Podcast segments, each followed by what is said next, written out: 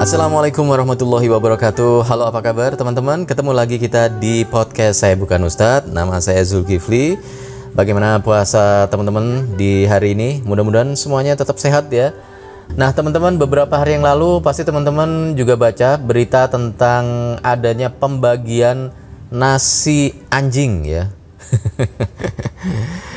Iya ini aneh-aneh aja sih kalau menurut saya Eh, saya sih berkeyakinan bahwa sebenarnya yang membagikan nasi anjing ini tidak ada niat buruk, tidak ada niat untuk melecehkan atau apalagi membuat eh, menjadi heboh ya beritanya. Saya tetap berprasangka baik seperti itu gitu ya. Jadi ceritanya kan ada eh, dari sebuah yayasan yang mereka berniat membagi-bagikan nasi bungkus untuk berbuka puasa di sebuah perkampungan gitu. Nah, tetapi yang jadi masalah adalah ketika dibaca tulisan dibungkus dari nasi bungkus itu adalah tertulis nasi anjing ya. Nah, kalau menurut penjelasan dari mereka sebenarnya penamaan nasi anjing itu eh, bukan berarti isi dari nasi bungkus ini adalah daging anjing ya. Seperti juga halnya nasi kucing kan tidak berarti di dalam nasi itu atau di dalam nasi bungkus itu dagingnya adalah dari daging kucing bukan.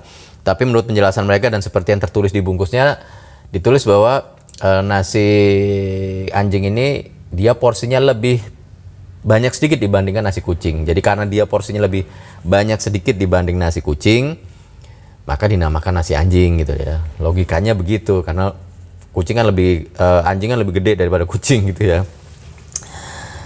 Ya kalau menurut saya ini sebenarnya hanya masalah ke- ketidakpekaan saja atau barangkali ya mereka nggak sadar saja sudah melakukan hal yang bisa yang sangat sensitif sekali bagi umat Islam gitu. Bagi mereka mungkin binatang anjing adalah binatang yang eh, baik-baik saja gitu ya, binatang yang fine-fine saja dalam kehidupan mereka.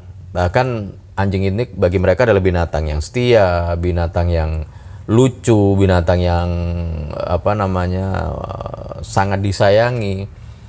Sehingga memberikan stempel nasi anjing itu barangkali ya untuk menunjukkan itu gitu. Tetapi bagi umat Islam binatang anjing ini memang binatang yang eh, air liurnya itu najis gitu. Ah, Jadi artinya kalau umat Islam ini terkena air liurnya anjing, mereka kalau ingin membersihkan tidak bisa dengan hanya membersihkan disiram air begitu saja nggak bisa, karena termasuk dalam najis berat ya. Jadi harus dicuci sampai tujuh kali dengan air, kemudian salah satu salah satunya dengan tanah gitu.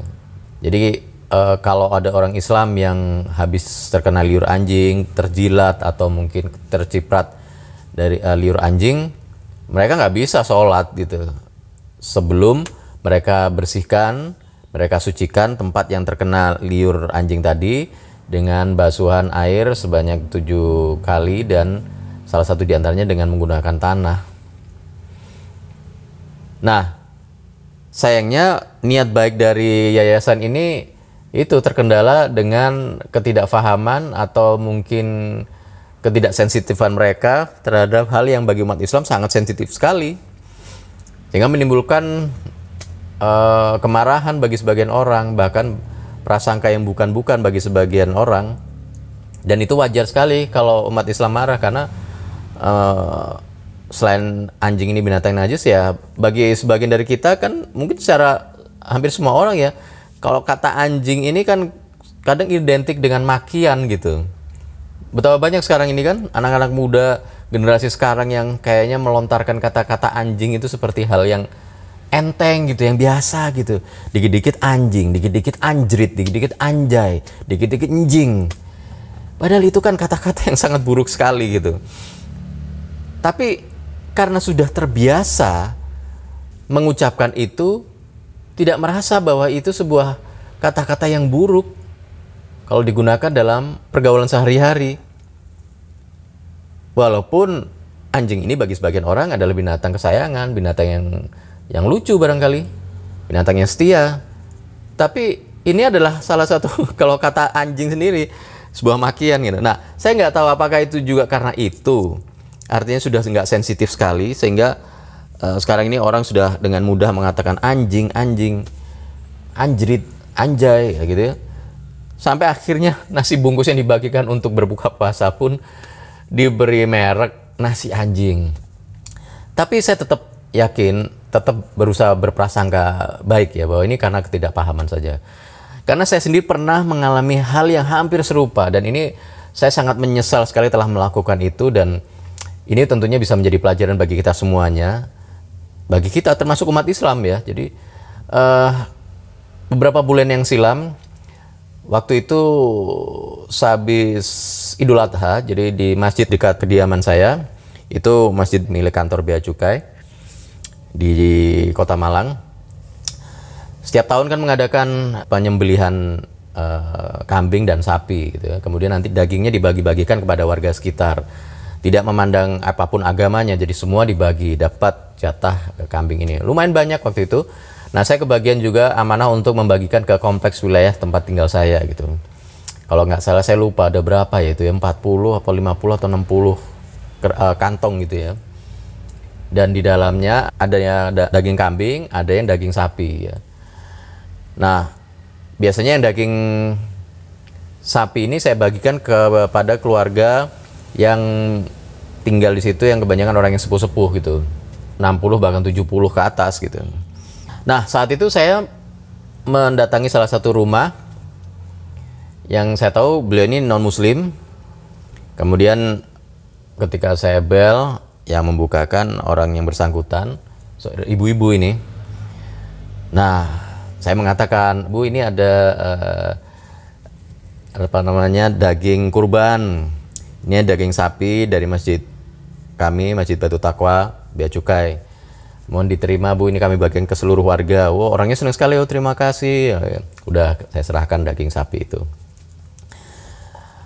Setelah ditutup pintunya, saya baru berjalan beberapa langkah mau masuk mobil. Tiba-tiba saya tersadar dan saya menyesal sekali telah memberikan daging sapi itu ke ibu tadi. Karena saya saat itu baru ingat ibu ini adalah seorang ibu yang berasal dari Bali dan beragama Hindu. Aduh astagfirullahaladzim, saya langsung menyesal dan saya merasa bersalah sekali. Kenapa saya begitu bodoh, kenapa saya begitu, aduh kok nggak mikir gitu loh.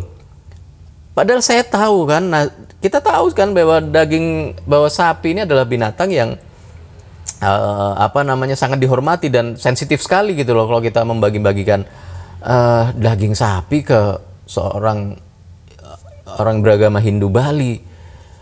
Pikiran saya langsung teringat ke situ gitu loh. Waduh. Jadi pada saat saya me- saya melanjutkan untuk membagikan daging-daging yang masih ada di dalam mobil itu pikiran saya udah nggak fokus udah nggak bisa fokus lagi udah saya pikiran saya udah waduh gimana ini ya saya menyesal sekali saya baru pertama ini saya merasa saya telah membagikan sesuatu yang bisa menimbulkan ketersinggungan umat beragama lain bukan bukan karena takut bukan karena apa tapi karena saya nyesel saya merasa nanti wah bagaimana perasaan orang itu gitu loh menerima daging sapi padahal dia orang Bali orang Hindu Wah langsung saat itu juga saya telepon teman saya yang ada di Bali, ada teman saya yang sudah cukup lama 20 tahun lebih tinggal di Bali, namanya Mas Ponco. Saya telepon, Mas, kam- apa namanya ini gimana nih? Saya sudah melakukan kesalahan yang bodoh ini. Saya bagi-bagi daging kurban, yang saya bagikan ini orang Bali, karena saya melihat orangnya sudah tua, saya kasih dia daging sapi, padahal dia orang Hindu Bali gimana nih? Waduh itu. Akhirnya ya dia juga kaget juga tapi dia bilang oh kalau di sini sih eh, kami juga melakukan seperti itu tapi alhamdulillah nggak nggak nggak ada masalah gitu loh. Ada sebagian dari orang-orang Bali yang tidak mempermasalahkan gitu untuk urusan ini. Buktinya di sana juga ada eh, restoran-restoran s- cepat saji yang juga menjual daging sapi gitu kan. Tapi ya bagi saya walaupun teman saya mengatakan bahwa nggak apa-apa dan mereka juga sering melakukan itu setiap tahun bahkan mereka sendiri orang-orang Bali itu juga menerima dengan senang hati karena memang waktu itu yang dipotong adalah eh, sapi gitu ya. Tapi bagi saya ini benar-benar wah nggak bisa ini. Ini sebuah kesalahan yang sangat bodoh nih. Karena kita nggak tahu perasaan orang kan? Kita nggak ngerti gitu kalau kalau kita sudah tahu bahwa ini bisa menyinggung perasaan tentunya kan kita nggak boleh melakukan itu. Dan itu teringat wah, jadi pikiran saya saya sampai gini apa perlu saya saya tukar saya balik lagi saya tukar dengan daging kambing atau besok saya harus minta maaf gitu ya. Ya tapi alhamdulillah beberapa hari kemudian saya ketemu beliau dan beliau ini ibu dari teman saya dan beliau juga temannya ibu saya kok kayaknya juga nggak eh, beliau juga fine aja. Dan saya ingat waktu saya bagi juga beliau tidak menolak bahkan dia juga wajahnya juga gembira gitu. Entah gembira ini juga karena dia ngelihat ada ini orang bodoh apa goblok banget sih gitu ya. Sudah tahu saya orang Bali kenapa orang Hindu kenapa saya dikasih daging sapi gitu ya? Mungkin ya. Justru dia berusaha untuk menahan diri untuk tidak apa karena dia tahu kita dia berniat baik ya. Entahlah tapi dari situ saya bisa mengambil pelajaran bahwa memang kita harus berhati-hati terutama dengan hal-hal yang bisa menyinggung perasaan umat beragama lain. Entah itu berupa pemberian entah itu berupa statement entah itu berupa bercandaan atau apalah nasihat atau apalah. Ya, kita sudah sering lihat kan kejadian di negara kita ini dan juga di seluruh dunia hal-hal yang sensitif seperti itu memang bisa menimbulkan kemarahan, ketersinggungan umat beragama lain itu. Apa pun umat eh, agamanya gitu. Kasus eh, seorang pemimpin daerah yang beberapa tahun yang lalu sempat mengucapkan kata-kata yang akhirnya menimbulkan demo seperti itu tidak bisa disalahkan gitu mereka yang demo karena ya mereka tersinggung dan eh, yang melakukan pun juga tidak sadar bahwa itu juga bisa menyinggung perasaan gitu dan banyak lagi kasus-kasus lainnya seperti yang waktu itu ada video tentang apa namanya yang memper apa eh, kurma dan daging bab, dan babi gitu kan. Atau yang lain-lain gitu ya. Termasuk juga ada waktu itu berita eh, di Bali ada sebuah restoran yang membuka restoran di situ eh, pengusaha membuka restoran di situ dan dia pada salah satu persyaratannya adalah eh, karyawannya harus beragama tertentu dan itu sangat menyinggung perasaan umat beragama yang lain gitu. Nah hal-hal sensitif seperti ini memang kita harus peka, memang kita harus berhati-hati, walaupun memang tidak ada niatan untuk melakukan apa namanya eh, sesuatu yang ingin menyinggung perasaan mereka atau ingin apa namanya memancing kemarahan masyarakat. Karena bagaimanapun kita memang harus menghormati keyakinan umat beragama lain, apa pun agama kita. Walaupun menurut kita benar, tetapi ketika kita sudah melampaui pagar atau ketika kita sudah melakukan sesuatu yang sekiranya bisa menimbulkan ketersinggungan mereka ya sebaiknya jangan dilakukan gitu. Karena belum tentu semua orang bisa menerima dan belum tentu juga semua orang bisa menerima penjelasan kita gitu. Jadi ya saya melihat kasus kemarin nasi anjing itu saya masih ya berusaha untuk berprasangka baik. Ini hanya masalah karena ketidakfahaman, ketidakpekaan saja dari orang-orang dari yayasan yang membagi-bagikan nasi bungkus itu. Dan saya juga bisa memahami ketersinggungan sebagian masyarakat ya. Tetapi saya berharap ya sudahlah. Ini mungkin bisa menjadi pelajaran ya bahwa hal-hal yang bisa menyinggung perasaan umat beragama lain ya bisanya kita hindari apalagi kita berada tinggal di daerah yang lingkungan yang mayoritas adalah umat beragama tertentu.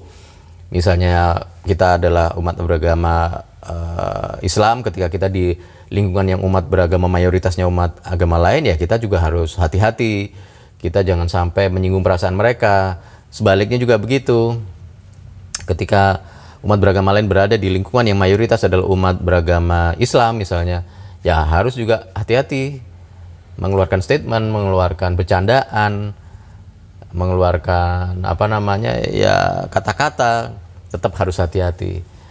Tapi ini bisa jadi pelajaran buat kita dan kejadian ini sampai hari ini saya ingat dan mudah-mudahan nanti tahun ini nanti kalau bagi-bagi lagi daging kurban eh, saya bisa lebih apa namanya ya Cuman saya bingung gitu kalau orang tua saya kasih kasih daging apa ya berarti ya. Dasi, daging kambing nanti saya merasa bersalah juga ini. Orangnya udah umur 70 nanti kalau kalau kena tekanan darah tinggi gimana? Saya yang salah ini. Ya udahlah mudah-mudahan eh, ini bisa menjadi pelajaran buat kita semuanya dan kerukunan umat beragama di Indonesia juga tetap terjalan dengan baik.